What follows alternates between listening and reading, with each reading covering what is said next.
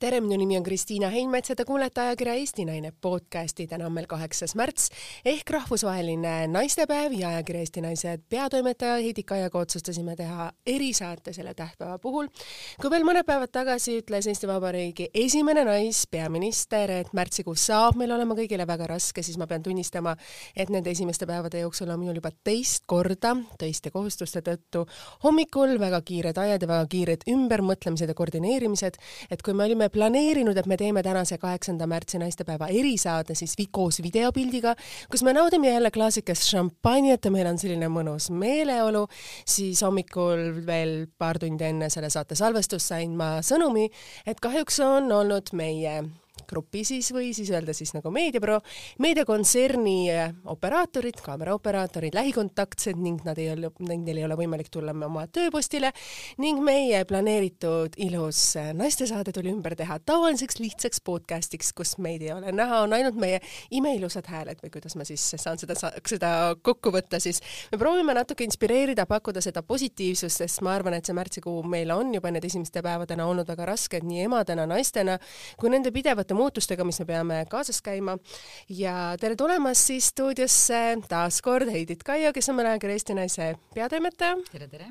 ja ma saate koh külalise kohta ma ütleksin midagi sellist, et kui Eesti ühiskond peaks kirjutama selle definitsiooni ja panema sinna juurde pildi, et milline on see Eesti naine kes suudab täita mõnes mõttes ühiskonna poolt kõiki oodatud rolle ja teeb sellise nagu filigraanse prantslasliku nonchalant suhtumisega, et kõik on nii lihtne, kõik on nii kerge. siis ähm, võib-olla ma ütleksin siis selle naise kohta, et ta oskab hoida ennast tasakaalus, kas ta nüüd seda ise sisemiselt nii väga tunneb, aga see paistab välja vähemalt selliselt, et kõik on nii perfektne kerge ja sellise õige doseeringuga tema elus. see on naine, kellega me oleme käinud ühes koolis, tema on selle lõpetanud, Jakob Vestermann gümnaasiumi, mina olen tudeerinud seal aasta ja hiljem läinud edasi Prantsuse lütseumisse. ning meil on ka midagi väga ühist, et kui sa oled kuskil üritustel ja sa aeg-ajalt kohtud uute inimestega, siis nende aastate jooksul, mis meid on nagu kus me oleme sattunud kokku, sa tunned ära nagu omaenda inimese, kellega su energia nagu sobib, et ta, nagu sa tunneksid teda kogu elu. sest seesama naine on üks nendest naistest, et äh, kui me esimest korda nägime, me ei olnud isegi tuttavad, aga see jutt, mis me omavahel tuli, see, see energia või see arusaamad, ühised nagu mõtted, et see oli nagu täiesti uskumatu, nii et äh, tere tulemast, ma arvan, et me oleme juba kooliajast saati vist igapäevaselt vestelnud Reetros tere, Kristiina! No nii pikalt ei ole mind mitte keegi kiitnud. no aga võib-olla ongi midagi sellist, mida me siin Eesti ajakirja Eesti Naise podcastiga teeme, et võib-olla me võiksime naistena vaadata enda sisse ja öelda välja, mida me mõtleme, mitte ainult see, et me kritiseerime, et mis on meil halvasti, vaid mõtleme see, mis on nagu hästi, et tegelikult igas inimeses on ju meil nii palju midagi imelist, mida me imetleme nii oma sõprades kui võib-olla telesaatejuhtides, raadiosaatejuhtides, võib-olla naistes, kes on esikaanel, võib-olla meie perearstides, et võib-olla oleks nagu aeg hakata välja ütlema, mida me tunneme naistena ja iga hea sõna annab meile iseendale, kes me seda ütleme tegelikult palju ja inimesed, kes seda vastu võtavad ja kelle kohta me ütleme, see annab ka nendele väikese enesekindluse ja võib-olla väikse sellise hea tunde, et uh, võib-olla ei olegi elu nii hull on mõnes mõttes ju õige mm? -hmm, õige. kui tihti me tegelikult ütleme head? no ikka ütleme ikka ütleme, see tul-, on tasapisi tulnud, see on nagu kunagi mäletate, ei äh, autojuhid ei lasknud jalakäijaid üle tee. ja ühel hetkel toimus nipsti murdepunkt. ma mäletan, kuidas äkki sa imestad, et autojuht jääb seisma, alguses tänad viisakalt, isegi lehvitad, lähed üle tee, täna on see normaalne. ma arvan, et see nagu pigem hästi mõtlemine tuleb ka see on, ma arvan, et ühiskonna küpsusega, et kui meil alguses me kõik väreleme, kuidas oma igapäevaeluga hakkama saada, siis kui ühiskond muutub küpsemaks, ka me ise enesekindlamaks, siis ka võib-olla julgus olla see, kes me oleme, tuleb ka juurde kaasa sellega. aga täna meil on naistepäev. kui me kõik saaksime mõelda esimese mõtte selle naistepäeva erisaate puhul, et mis selle päevaga teile assotsieerub, Reet? no assotsieerub tohutult palju lilli äh, müügil ja, ja siis äh, mehed ja lapsed äh, häbelikult lilledega kuhugi teel, aga nüüd me nägime ju kõik äh, Marii Karelli saadet ja nüüd tuleb välja, et tuleb ka oma koduste lillekinkijate seas teha teavitustööd, et tuleb osta kohalikke lilli. Väga armas väljend, et minu arvates tulbid on kuidagi naistepäeva sümbol ja tulbid üldjuhul kasvavad siin meil Eestimaal, vähemalt igal pool on sildid juures, mida ma olen ise näinud, et eestimaised, et siis on ju väga lihtne, et tulbid, mis käivad ju meie Eesti aja naistepäevaga kas minu jaoks seostub see päev eh, ajalooliselt, siis on see ju töötava naise päev, et, et see nagu on, et väärtustada töötavat naist ja mind, mind tegelikult pahandab alati see, kui seda päeva naeruvääristatakse, et mingi Rosa Luksemburg ja midagi sellist, et aga noh, mis siis Rosa Luksemburgil viga on ja lõppude lõpuks sai see, see päev siis selle nagu selle punase sildi külge pärast Rosa Luksemburgi surma, kes oli surnud siis juba eh, tuhande üheksasaja üheksateistkümnendaks aastaks, kui, kui Nõukogude Liit eh, sellisel moel alguse sai. no ma lähen nüüd tõesti väga sügavale ajalukku, aga mu, mu mõte on selles, et, et, et seda päeva ei ole küll kuidagi põhjust alaväärt-, väärtustada, et, et, et, et see, see päev on just nimelt, et, et austada ja väärindada siis äh, töötavat naist. Ja võib-olla on üldse naiseks olemist nagu väärtustada, et äh, me ju naistena teeme ka erinevaid valikuid no oma elus mm. -hmm. ja tegelikult on ju see aastapäev sai ju alguse tuhande kaheksasaja neljakümne kaheksandal aastal Ameerika Ühendriikides, kus siis võeti vastu sellised seadusemuudatused, et naised said esimest korda, kuidas öelda siis nagu meestega võrdsemad õigused väga mitmetes erinevates valdkondades, mis oli nagu noh, maailmas võib-olla esmakordne selline samm, sest sellele järgnesid ju hiljem ju siis nagu sa mainisid just sellesama naise poolt ka Euroopas sellised muudatused ja asjad. ja kusjuures nii naljakas, kui see pole, on ju tegelikult kommunistlikud või sotsialistlikud äh, suunad võtsid selle päeva nagu enda propaganda ette ja Venemaa Nõukogude Liidus oli see ju rahvuspüha, kõige tähtsam püha, need punased nelgid on meil kõigil lapsepõlves ju veel meeles. jah, aga tõsi, aga mina pidin eile õhtul seletama oma poisile, äh, seitsmeaastane värskelt mm, -hmm. et miks siis kingitakse lilli ja mis puhul kingitakse lilli ja tuleb välja, et uuel põlvkonnal on juba selline tarkus, et aga lilli võib ju kogu aeg kinkida. ma võin vanaema õiele lilled äh, laupäeval, kui ma lähen. Lihtsalt niisama. Nii et mulle tundub, et äh, see on väga hea võimalus öelda, et pane tähele ja, ja hinda. Mina mäletan ise esimest korda seda, kui ma õppisin Tallinna Prantsuse Lütseumis ja meil oli kaheksas märts. Ja minu jaoks kuidagi see noh, alles üheksakümnendatel ikkagi see nagu oli nagu punase, noh, punase tähisega, aga meie klassivennad võtsid kätte selle otsuse, et nad kinkisid meile kõigile lihtsalt lilli ja kuidagi see on midagi, mis mul jäi endasse sisse, et ma olen proovinud seda sissida oma poegadesse, ma tunnistan, et ma ei ole iga aasta nii tubli olnud, aga ka lasteaias või kui nad on koolis käinud, et nad viivad siis klassikaaslastele või klassiõdedele või õpetajatele nagu lilli, selle ühe lille, et neil tekiks harjumus lilli kinkida, ilmselgelt sina, Reet, oled olnud samasugune ema, kus su laps või pojakesed ütlevad, et aga ma võin ju kogu aeg viia lilli. ja, ja minu, äh, tuleb praegu meelde su, su juttu kuulates, et äh, esimest korda, kuna meie memme on õpetaja, siis ta teadis mm, -hmm. et õpetajate päeval viiakse ka lilli mm. -hmm. ja, aga ise oli lasteaias sõimerühmas mm. -hmm. nõudis, et on vaja lill viia, käisime läbi ilusti, ostsime lilled, ma andsin kaksik, eks ole, Inglile ka lillepihku ja siis tuli välja, et äh, Villem läks otsejoones söögitädi juurde. söögitädile kinkis lille, nii et armastus käib kõhu kaudu no õige mees siis selles mõttes, et öeldakse, et meeste puhul käib armastus kõhu kaudu aga Heidit, et äh, sa mainisid nii palju nagu pika ajaloo sellega, et mis on võib-olla sinul esimesed mälestused sellest naistepäevast? no need äh, samad, mis meil kõigil, nelgid ja alpikannid tõsi, alpikannid tõesti. kumbi oled sina oma laual rohkem näinud? Võib-olla isegi Alpigan, et, et, et mul isa oli Tartus valumehaanika ja katsetehase direktor ja siis oli need tema ise, nagu tema kollektiivil oli kena komme, et, et, et keegi meestest tuli siis meie pere naistele ja tõi sellise suure Alpigani korvi, mis oli, kus oli krepppaber veel ääres. mäletate? ja, ja, ja siis, ja siis laastudest korv ja siukse ilusa uhke kaarega. ja just nimelt hästi ilusa uhke kaarega, täpselt nii. väga selline nost-, nost-, nost-, nostalgilised hetked on meil siin, aga mõtlen ise, et kas tänapäeval me peaksime üldse seda päeva tähistama ja milliselt me peaksime seda päeva tähistama? Tähistama, et nii armsasti sa mainisid, et sinu poeg ütleb, et iga päev ju võib last, naistele lilli viia. ikka peame. Ja mina arvan, et meil on üldse äh, vähe tähistamise päevi, noh, ma ei pea siin silmas, et nüüd on no roosa kassipäev ja, ja, ja äh, mingeid imelikud päevi, mis on ka toredad, aga naistepäev on, äh, naistepäev on üks nendest päevadest, mis kohe aasta alguses aitab meeles pidada, et meil on veel toredaid päevi tulemas meestepäev, isadepäev võib, ja, ja võib leiutada päevi juurde. vanavanemate päev on, ma tean, ma proovin ja, seda meeles pidada, kui mitte just. muuna, siis telefonikõnena last laste puhul. ja, ja koristuspäev on ju samamoodi tulnud, äh, esimene mai on koristuspäev, kas mm -hmm. on digikoristus või on kodukoristus või et äh, mida rohkem selliseid päevi, seda ma arvan, funktsionaalsem ja selline ühiselt äh,, ühiselt ennast tundev ühiskond on ma arvan, et see annab ka võimaluse meil emadena mõnes mõttes õpetada oma lastele, et et kui nad muidu ei mõtlevad, et kas on vaja viia või mi-, või mitte viia, siis vähemalt, et naisele viiakse lilli, et võib-olla see sõnum võiks küll nagu selles nagu juures olla, nii et mina naisena tunnen, et ma tahaks iga päev lilli saada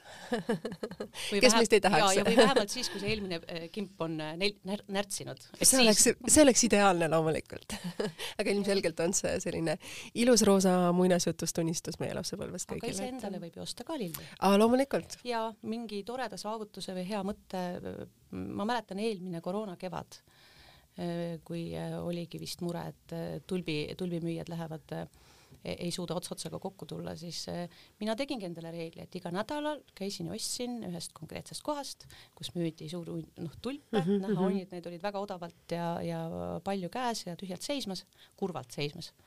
ostsingi koju iga nädal tulbikimbu, et oleks parem väga armas, jälle selline väike heategu, mis võib assotsieeruda meil sellise väikese mõttega et natukene head ja natukene iseenda ja, ja hinnata iseennast ka selles mõttes naisena ja väärtustada, et mina pean tunnistama, et ma ei ole ostnud oma eestimaiseid tulbimüüjatelt lilli, mina olen ostnud äh, äh, samamoodi koroona ajal eelmine aasta mõned korrad neid kimbud, mis seal olid välja pandud Selveris omaenda kodupoes ja just sellepärast, et ma tahtsin sealt korra nagu tunda nagu sellist, äh, et mul on ka lilled nagu laual, et kuidagi seda osakest nagu normaalsusest lilli saada on osake normaalsusest, vähemalt minu elust nagu olnud. jah tõsi.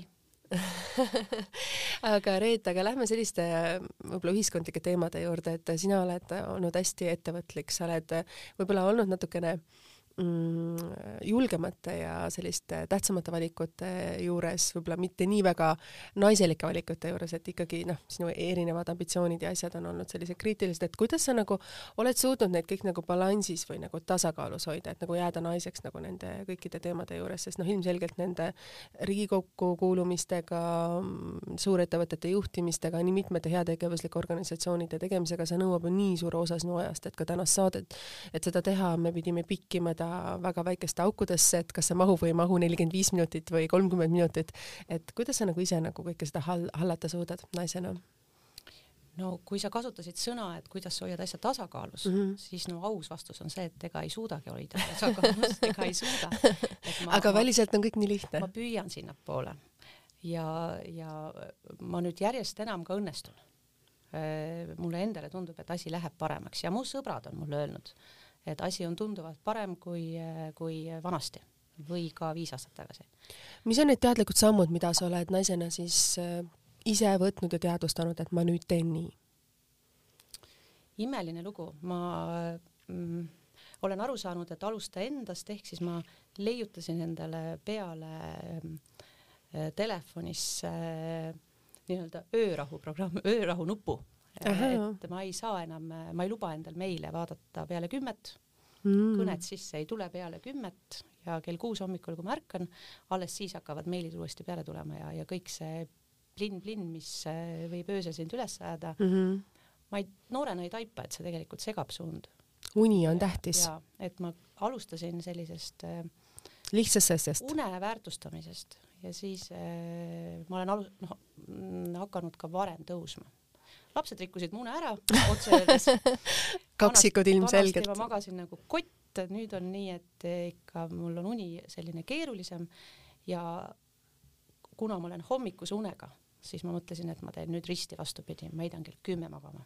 kuidas sa suutsid seda muuta, sest ma nii armastan hommikul magada. ja, ja ma olen ka loomult selline, et õhtul und ei tule, ei tule, ei tule ja hommikul noh, küll ma magaks, kui mina mm -hmm. saaks kaheteistkümneni no kindlasti, ma, minu rekord on pool neli, siis ma hindasin ka ise ära, et päeval poole neljani päike juba loojub.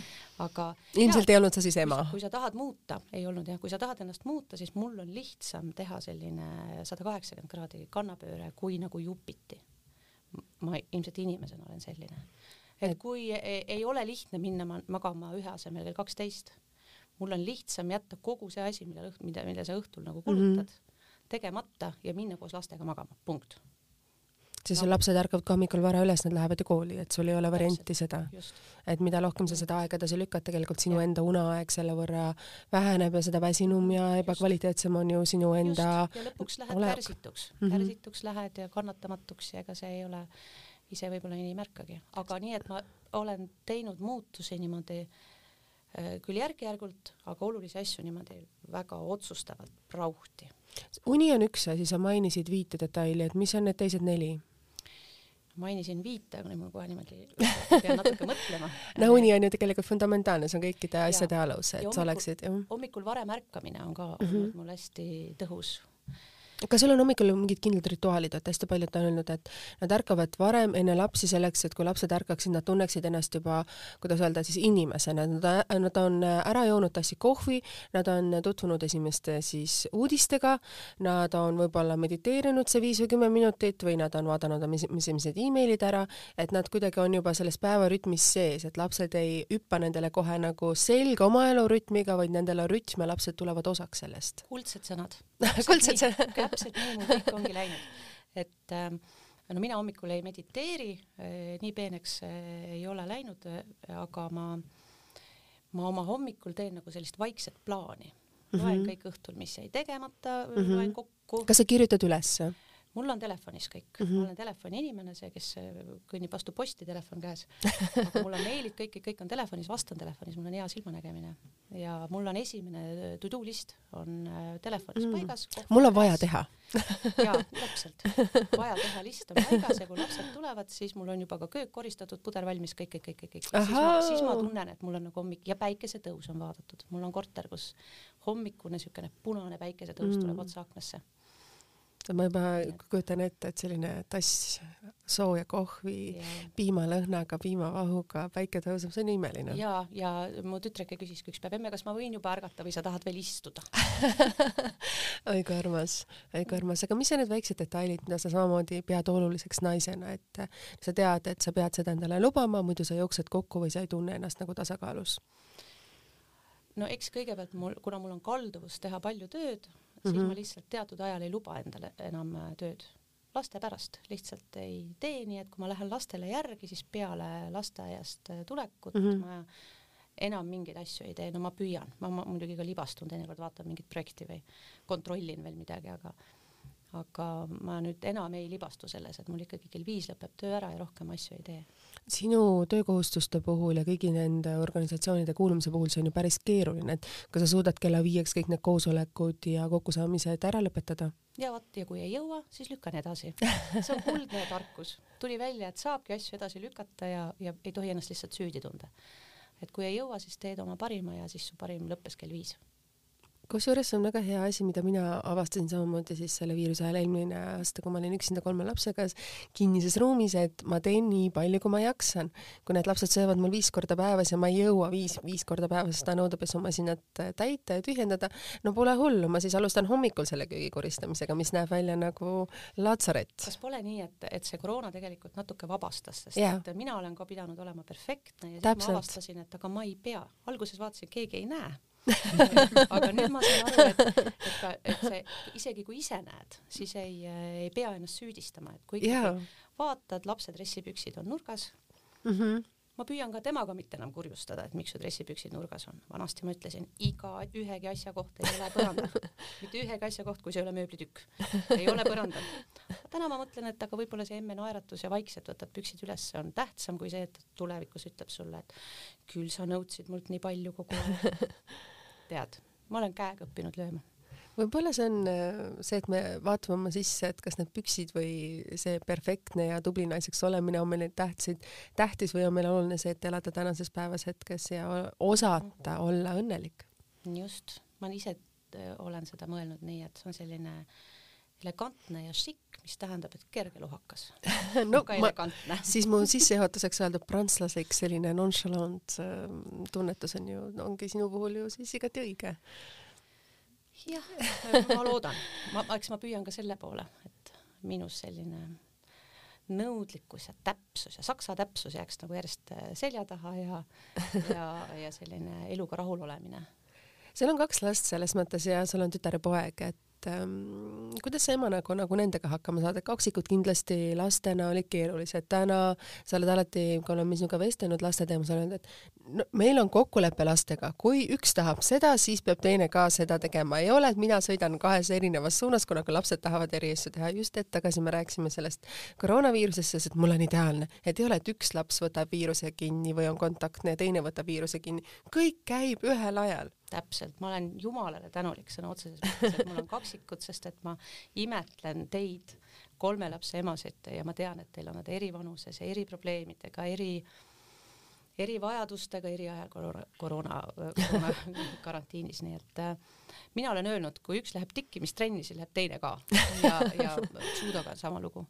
et äh, noh, ma ei ole muidugi nii jäik, aga, aga põhimõtteliselt mul käib kõik nagu töö ja vile koos ja korraga aga ja. muidu ei ole lihtsalt võimalik ju selles mõttes hakkama saada, et ilmselgelt tol no eks ma olen ka teinud äh, selles mõttes äh, teistmoodi oma elu tasakaalu, tasakaalustatavad väärtused, et võib-olla kindlasti ma olen võib-olla emaks olemisest, ähm, kuidas öelda, mm, suurendanud kindlasti emaks olemise positsiooni ja see tähendab ka seda, et karjäärialaselt on minu see panus või tasakaalu osa võib-olla selles mõttes koordinatsioonist väljas, et ma pigem ootan, et ma jõuaksin nüüd sinnamaani, et lapsed oleksid suuremad, et ma saaks kuidagi need asjad omale rohkem tasakaalu või, aga ilmselgelt jah, jah, et kui sul on ikkagi kolm väikest last ja üks on ikkagi beebi, siis selle kõrvalt veel võtta töökohustusi ja jääda selle kõrval nagu naiseks, tähendab nagu päris inimeseks, et mitte minna, kuidas öelda, hullude kogu selle kaose seas, eriti olukorras, kus mul väiksem ei leppinud mitte ühegi inimesega peale minuga või vahest arvas siis isaga, enda isaga, et siis see tähendas seda, et see oli ikkagi väga keeruline ja raske aeg, et noh, ongi, et me ei saa kunagi hinnata naisi selle järgi, mis valikuid nad teevad, sest iga naine teeb oma valikuid oma võimalusi võimaluste, oma vajaduste ja tihti ka laste erivajaduste järgi, nii et kui sa ütled, kuidas mina saan hakkama, siis ongi see, et ma olen teinud väga palju mööndusi teatud valdkonnas selleks, et eh, võib-olla täita rohkem emaks olemist ja teenindada siis oma lapsi. jah, ja Heidit, sina ka samamoodi ma imetlesin kunagi, kui mul ei olnud ühtegi last, Heiditil oli juba kolm, imearmas, pisikesed nagu oreliviled, järjest nii kena oli vaadata, ma olin niimoodi positiivses mõttes kade, heas mõttes kade. ma pean tunnistama, et ma olen siiani, sest ta on osanud alati äh, hoida oma elu kordades paremas balansis kui mina, sest olla ikkagi peatoimetaja kolme lapse kõrvalt, et see on ikka väga, kuidas öelda, vastutusrikas pluss ka väljakutseid iga päev esitav nõus, aga ma, võib-olla see ongi liiga palju üle minu enda käinud, et, et, et, et, et tagantjärgi tarkusena, et nüüd on nagu, on aeg nagu siis elu teistpidi seada või rohkem tasakaalustada, et, et. et võta aega rohkem iseenda jaoks. just täpselt, jaa. et seda sa ka teed. just, seda ma sa teen. julged ka nüüd välja öelda meie sellised salavestlused, mitte siis podcast'is on olnud, kus sa ütled, et sa tahad olla päris naine mm. -hmm, just täpselt nii, et, et, et rohkem siis, et, et elu mingi periood on olnud võib-olla liiga ühele poole kaldu, et, et, et siis nüüd, nüüd oleks aeg teisele poole seda kallutada. aga kuidas, mis samme nagu sina selles oled ette võtnud, et äh, endas, kuidas seda naiselikkust nagu hoida või seda rohkem esile tuua?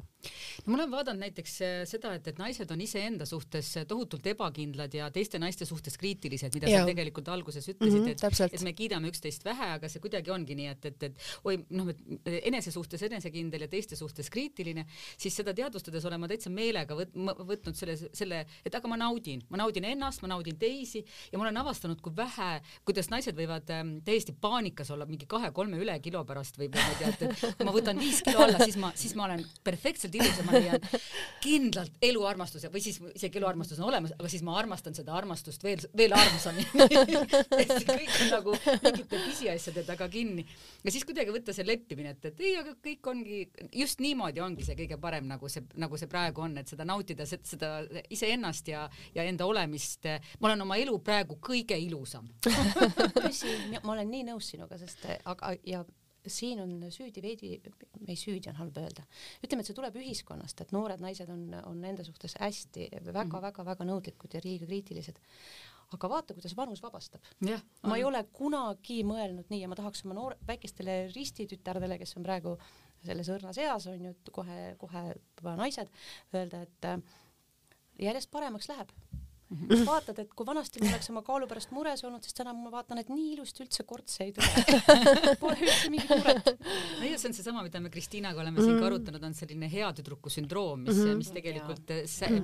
paneb iseendale järjest suuremaid nõudmisi seadma ka enda välimusele ja enda, ma ei tea, figuurile või ja ka saavutustele ja nii edasi, et, et, et väga vabastav on see kõik no,. kõik on, kõik on väga hästi. nagu sina, Jüret, just mainisid ka, et kell viis aeg kukub, aga ma saan seda homme ka teha, et avastada selline ja. detail ju meie vanuses on selline natuke imelik, kas pole? aga kunagi ei ole mul olnud äh, tunnet, äh, vaata, võib-olla see tuleb ka Eesti sellisest äh, virk, virk, virkuse kasvatamisest, et naine ei istu näpu, teleka ees niisama näpud süles on ju. peab ikkagi midagi kuduma. täpselt. just, ja see. Tuuli Roosma ütles väga, et tema vanaema ütles, et, et sügav kas või surnud kass sügav kas või surnud kass, aga naise näpud niisama süles ei ole.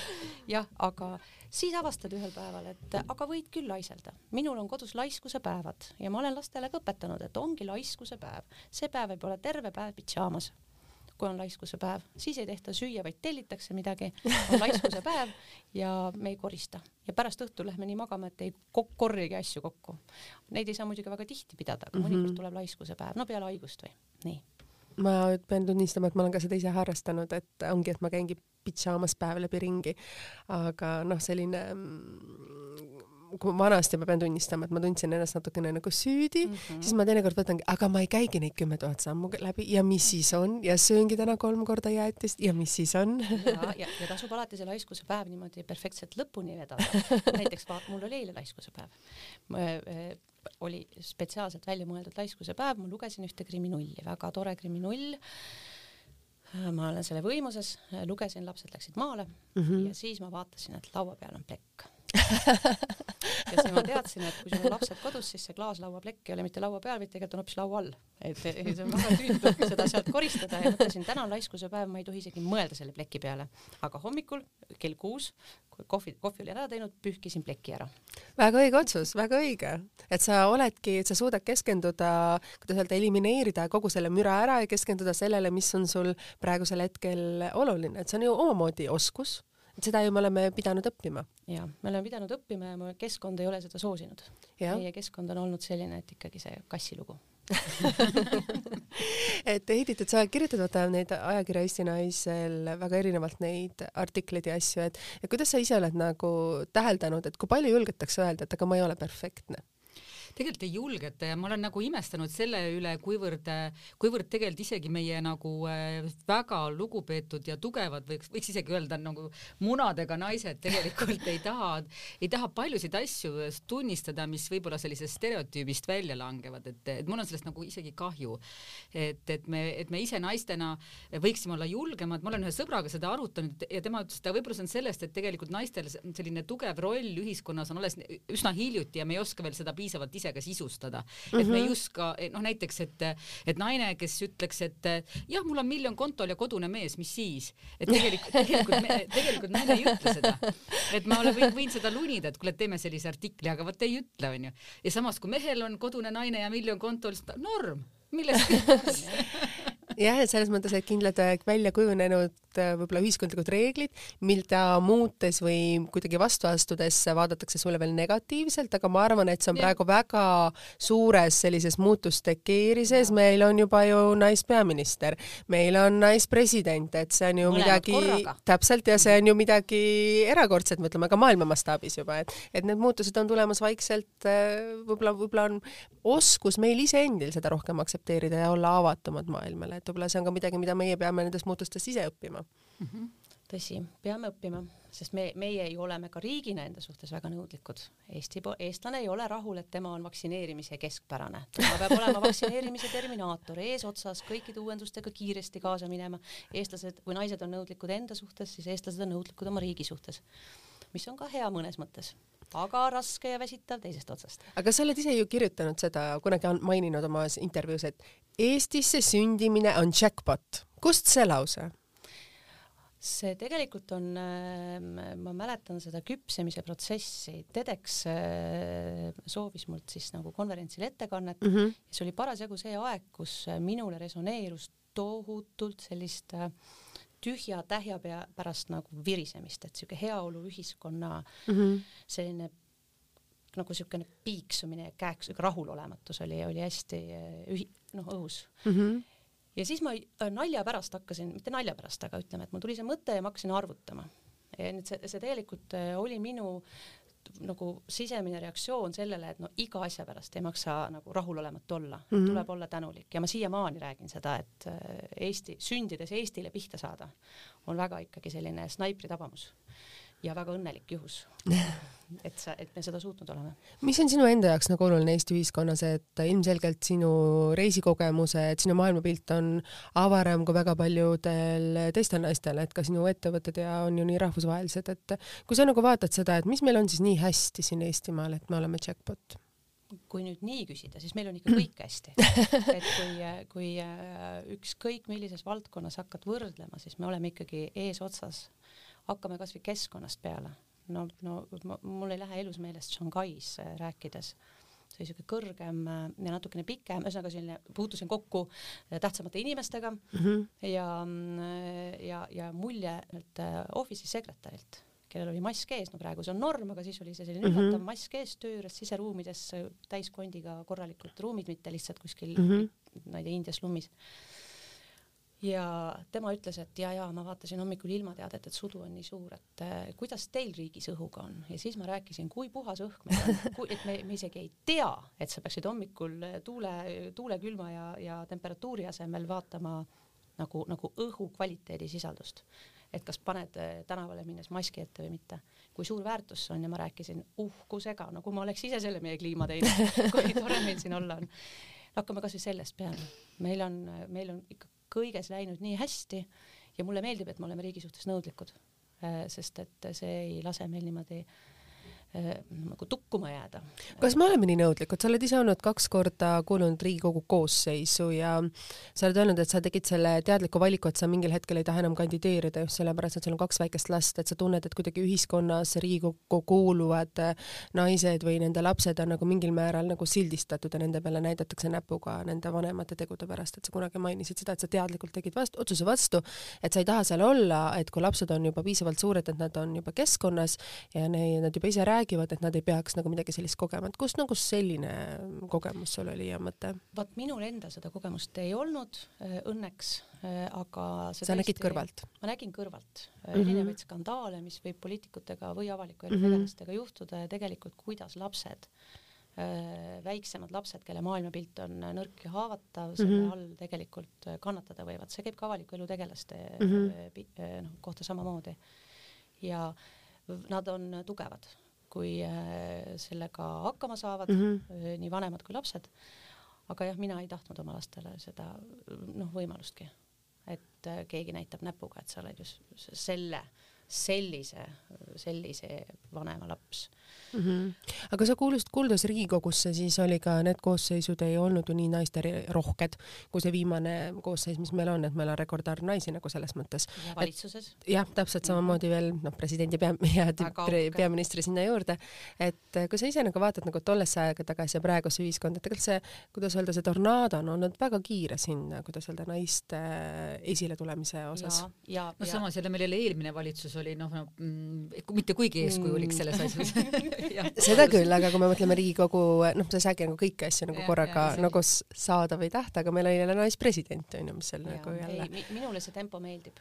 ma pigem olen äh, mures, et kui mul on ikka meeles see veneaegne äh, multifilmi lause, et ja kui laiskus jõgi puutus, jõgi kohe laisaks muutus. Ja mina väga seda kardan, et ähm, see, et ta on kiiresti toimunud, see mulle meeldib, see on nagu minu tempo või mulle nagu meeldib tempo. Mm. -hmm. oleks võinud veel olla, oleks võinud olla esimesena enne soomlasi.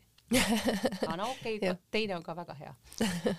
Sa mainisid ju just hetk tagasi, me rääkisime nendest vaktsiinidest ja asjadest, et, et tegelikult me oleme nagu selles valdkonnas toppama jäänud, et kus sul nagu see nagu teadmine või asi on või? ai, see nüüd, ma nüüd ei taha nüüd naistepäeva saatel võib-olla nii poliitiliselt selline laetud või kriitiline olla, aga jah, mulle tundub, et me ei tohi ennast lukku panna nagu, nagu Läti riik vaid me, ma ikkagi armastan Eestit ja olen nii uhke Eesti üle ja mulle tundub, et me peaks olema uute lahenduste, uute teadusuuringute, uute teadmiste rakendamise eesotsas mm. -hmm. mitte vaatama, et lätlased on täitsa kinni, me oleme veel tšutt rohkem lahti, paneme ka rohkem kinni.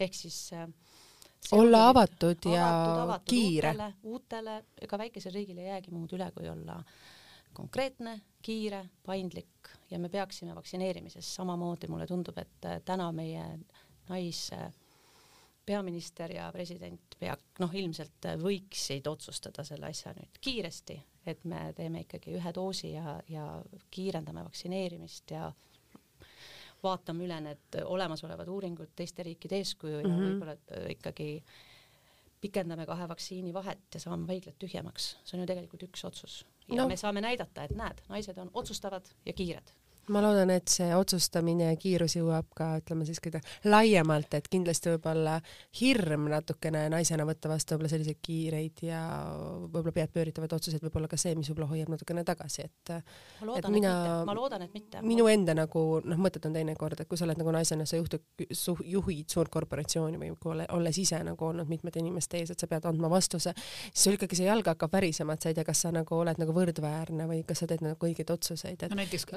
kiireid otsuseid teevad naised, kui on mängus lapsed. siis käib nips ja tehtud. naistel on tegelikult olemas, ma ei taha öelda siin, et geneetiliselt on mehed nii ja naised naa, aga naistel on olemas oskus teha asju paindlikult, kiirelt ja mõlemat asja korraga ma arvan, mitte mõlemat, vaid mitut asja mitut, ikka. mitut asja korraga. sest muidu ei ole võimalik. jaa, muidu ei jää ellu, nii et noh, eks me, ma arvan, et me saame siin nüüd näha neid kiireid otsuseid kohe Äh, Reet, sa räägid äh, hästi nagu huvitavalt nagu selles mõttes, aga sa oled ju tegelikult väiksest maakohast pärit, Taeblast, kus nagu siis selline energia ja selline kiirus ja asjad, et maal on üldjuhul ju kõik ju hoopis rahulikumas ja hoopis nagu sellises teistmoodi tempos. ütleme nii, et tehniliselt olen ma Taeblast aga tegelikkuses olen ma hoopis Hiiumaalt. ahaa, jälle Hiiumaa, meil on igas saates ja, Hiiumaa. ja, ja ma olen tehni-, ütleme, et tegelikult ma olen oma südames, olen ma Hiiumaalt, ma olen nüüd otsaga juba Hiiumaale tagasi minemas ja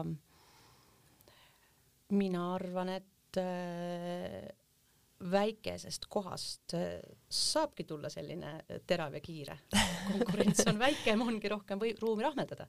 et ähm, see ei ole nii, et äh, ainult no ma arvan, et see maa ja linna suhe tegelikult Eestis on, on äh, olematu. on suht väike jah? ja, ja aga no ilmselgelt, et kui sul on ikkagi sõbrad ja tuttavad on ees siin linnas ja sul on kodu siin linnas, on sul kergem hakkama saada, eriti keskkoolis ja ülikoolis, kui sa tuled väiksest maakohast ja sa hakkad kõike alles otsast peale ju leiutama tõsi, aga suhete sõlmimine on äh, selline hea äh, oluline asi, mida lapsed hakkavad juba lasteaiast peale õppima ja, ja tulevikus saavad kasutada ja Eesti on, vot veel kord, meil ei ole õnneks sellist, et kui sa oled Oxfordis, siis sa oled nagu mingi üks tase mm -hmm. inimene ja sa räägid näiteks keeleliselt mingisugust kõrget briti keelt ja siis on mingisugune äh, nii-öelda töölisklass, siis Eestis ju sellist vahet ei ole kindlasti ei ole olematu seda, ja see on jälle meie suur pluss, ei ja. ole olemas nii, et sa oled kuskilt madalamast klassist kas Inglismaal või Indias täpselt samamoodi on olemas sellised asjad Eestis. sa väga hästi nagu räägid, et äh, sa oled ju olnud ettevõtlik äh, üheksakümnendatel, aastal kaks tuhat milleeniumis on ju, meil on juba tänaseks juba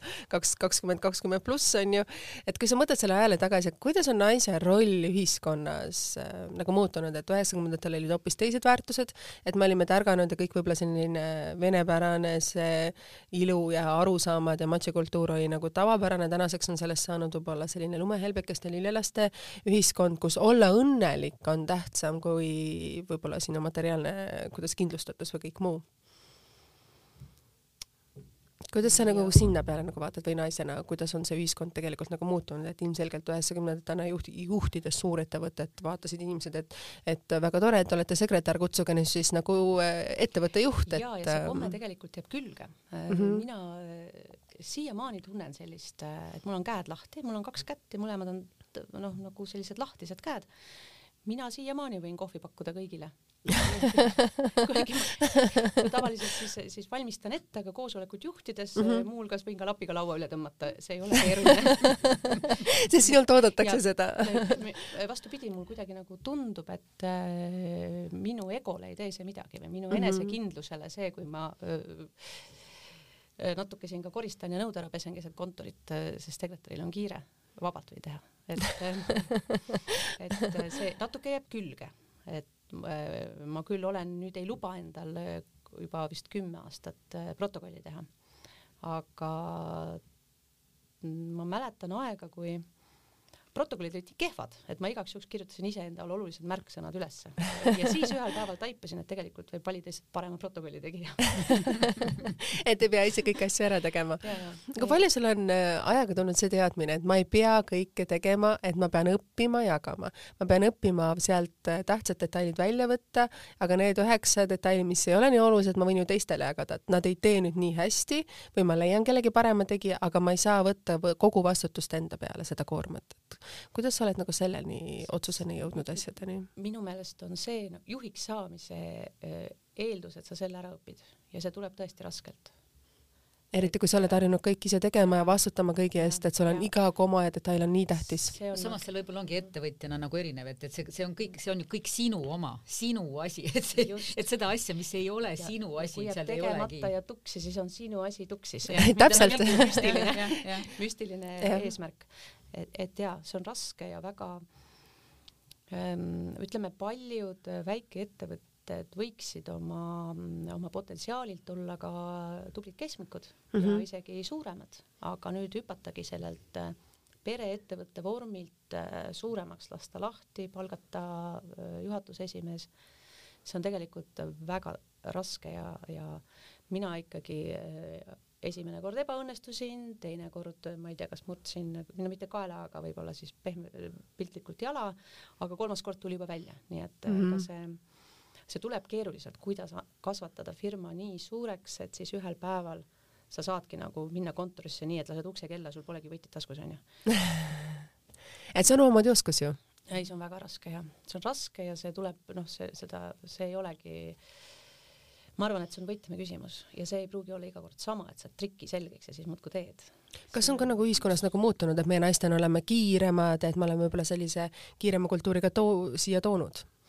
No mina arvan, et kui, kui ma nüüd tohin siin olla naistepäeva saatel natukene võib-olla mitte poliitiliselt ebakorrektne, siis ma ütleks, et naised ongi võimekamad väga õige, olemegi loomulikult. kui ma pal-, kui, kui tihtipeale peab valima inimesi ja on vaja palgata keegi, minu puhul naiseks olemine ja veel mitme lapse, lapsega naiseks olemine näitab, et inimene on igal juhul logistiliselt pädev, prioriteedid on paigas ja ta tahab teha tööd ja no see aeg, kus naine oli nagu miinusmärgiga äh, CV-s, mina arvan, tänaseks on taldrik lao peal teistpidi ja see on muutunud kusjuures tulles tagasi selle ettevõtja meelelaadi juurde või suhtumise juurde enda firmadesse, siis, siis mina olen ju palgatöötaja, tõsi küll, ajakirja peatoimetaja, isegi kahe ajakirja peatoimetaja Eesti Naise Tervis plussi, siis ma olen enda jaoks selle, selle ettevõtja attitude'i või suhtumise võtnud äh, nagu äh, mudeliks, et see on minu ajakiri, et need või need on minu ajakirjad, et see, et jah, et, et muidu, kui ma olen lihtsalt palgatöötaja, siis ma olen lihtsalt palgatöötaja, et, et tegelikult selline ettevõtja suhtumine elusse ja asjadesse on minu meelest väga õpetlik väga hästi öeldud, sest tegelikult eh, see ongi minu elu. see mm. töö, mida ma praegu teen, on minu elu, ma pean võtma seda oma elu osana, kui ma seda ei tee, siis ma ei tee seda ju piisava kire, ma ei tee seda piisava entusiasmi ja ma ei tee võib-olla seda piisava hoolikusega ja see tähendab seda, et kõik need asjad hakkavad mingis osas ei mängi enam kokku, see domino ei lähe kokku, kui need osad ei ole kõik selliselt tehtud, et nad toimiksid. nii et see on õnnestumise eeldus mm, -hmm, et sa suhtud asjasse, et see on minu ja, ja ma olen kakssada protsenti oi matemaatikutele see lause meeldib seega naiseks olemine Eesti ühiskonnas on ainult kakssada protsenti võit, mitte enam kakssada protsenti kaotus. kas me võime sellise lausega võtta meie naistepäeva saate mingis mõttes kokku? võime, kui me seda tahame aga ma annaksin igale ühele sõna veel oma viimase lause osas, et Reet, et kui meil on täna naistepäev, mis on võib-olla see üks lause või üks mõte, mis võib-olla võiks kõlada täna ka teiste meie kuulajatele? Jah, mulle jälle muidugi emana ikka jõuad ringiga muudkui laste juurde, et ähm, ma arvan, et äh, me peaksime oma tütreid kasvatama nii, et äh, nad ei kahtleks enam, et emme, kas ma võin minna kunstiülikooli arhitektiks, kui ma olen naine. et niisugust küsimust mm -hmm. kellegi, kellegi emme käest rohkem ei küsita, et, et sa ei tunneks äh, tüdrukuks olemises äh, nagu piirangut mm. -hmm. ma tahaks, et tulevik oleks selline just, ma just eile rääkisin ühe naisterahvaga, kes töötab coach'ina ja siis ta rääkis, et tal olid kaks, kaks naist just hiljuti käinud, üks on suure rahvusvahelise kontserni turundusjuht ja teine oli siis ka Eestis firma turundusjuht. Ja siis ta ütles, et nad mõlemad on nagu plikakesed, räägivad, et, et nad, nad on siiski ebakindlad, nad on siiski oma otsustes ebakindlad, nad on, nad on tegelikult väga kõrgel positsioonil ja kindlasti teevad oma töises alas, töises osas väga häid ja õigeid otsuseid, aga mm -hmm. sisimas nad ikkagi kahtlevad, et vot seda ma tahaks naistele soovida, et olge kindlad endas ma pean ütlema, et mina minu see sõnum, mida ma siia endale kirjutasin igaks juhuks lausena, et mul ei läheks nagu mõte nagu väga laialdaseks siin viimaste sõnade osas kirjutasin, oli täpselt samamoodi see, et mina sooviksin naise ja emana, et minu pojad oskaksid väärtustada ja hinnata ja austada naisi, partneritena, võrdsete partneritena, mitte nad ei võtaks naist kui alluvat, vaid kõik, mis tehakse, kõik, mis tehakse, on koos, on koostöö. ja samamoodi ma kirjut-, mõtlesin ka seda oma tütre kohta, et ma sooviksin oma tütre, tütart kasvatada selliselt, nagu minu ema mõnes mõttes kasvatas. maailmas ei ole piire sa võid olla absoluutselt kõik, mida sa tahad, kõik on sinu enda kätes, vali, mida sa tahad, mis ukse võtad, kui see ei sobi, võta järgmine uks, et maailm on sinu enda kätes. nii et kui minu tütar ütleb mulle, et ema, ma tahan saada kosmonaudiks, ma ütlesin suurepärane, ma toetan igati, see on igati võimalik ja see on väga äge idee nõus Need on minu, minu enda mõtted. aga aitäh teile, naised, et te tulite stuudiosse, aitäh, Reet, et sa leidsid sellise tunnikese oma tihedas graafikus, nagu ma sain aru siia tulles, et ka sinu koosolek lükkus nende ähm, Covidi tõttu edasi, nii et meil on natuke rohkem aega pool tundi lükkus edasi nii et me saime teha pikema saate, mitte kolmkümmend minutit, vaid põhimõtteliselt peaaegu tund. ja aitäh sulle ka, Heidit, et sa leidsid aega siia tulla. nii et kuulajad, ma loodan, et teie meie naistepäeva saade natukene andis inspiratsiooni ja enesekindlust ja süstis teile headust, nii et võib-olla võta telefon kätte ja helistada mõnele omale sõbrannale, öelda, et sa oled no nii äge naine. oleks võib-olla täna see päev, mida me saame naistena üksteisele teha, kui me neid tulpe just ei hakka ostma üksteisele. et hea sõna on rohkem väärt kui kimp eestimaiseid tulpe, siis võib, võtame kokku niimoodi selliselt, et need las toovad meile ikkagi meessoost isikud. aitäh teile, kallid kuulajad, saade on saadaval meil nii Delfi keskkonnas meil on saadaval ta ka Spotify's ja loomulikult ka SoundCloudis ning kui kellelgi tekkis mõtteid, siis ma üldiselt väga seda ei reklaami välja, aga ma ootaksin ka teie emaili siis kristiina.heinmets.eestianaine.ee sellele emaili aadressile, kui teil on huvitavaid ja ägedaid mõtteid. aitäh teile ja kohtume teiega juba mõne päeva pärast meie tavapärases podcastis. kes saab olema stuudios, seda te saate teada, aga tegemist on naisega, keda kõik teavad, aga mis on tema hinges vot sellest ei ole veel siiamaani rääkinud, nii et ma annan talle järgmine kord selleks sõna. aitäh teile ja kohtumiseni. naised on väike, ma tahtsin õudselt vahetada.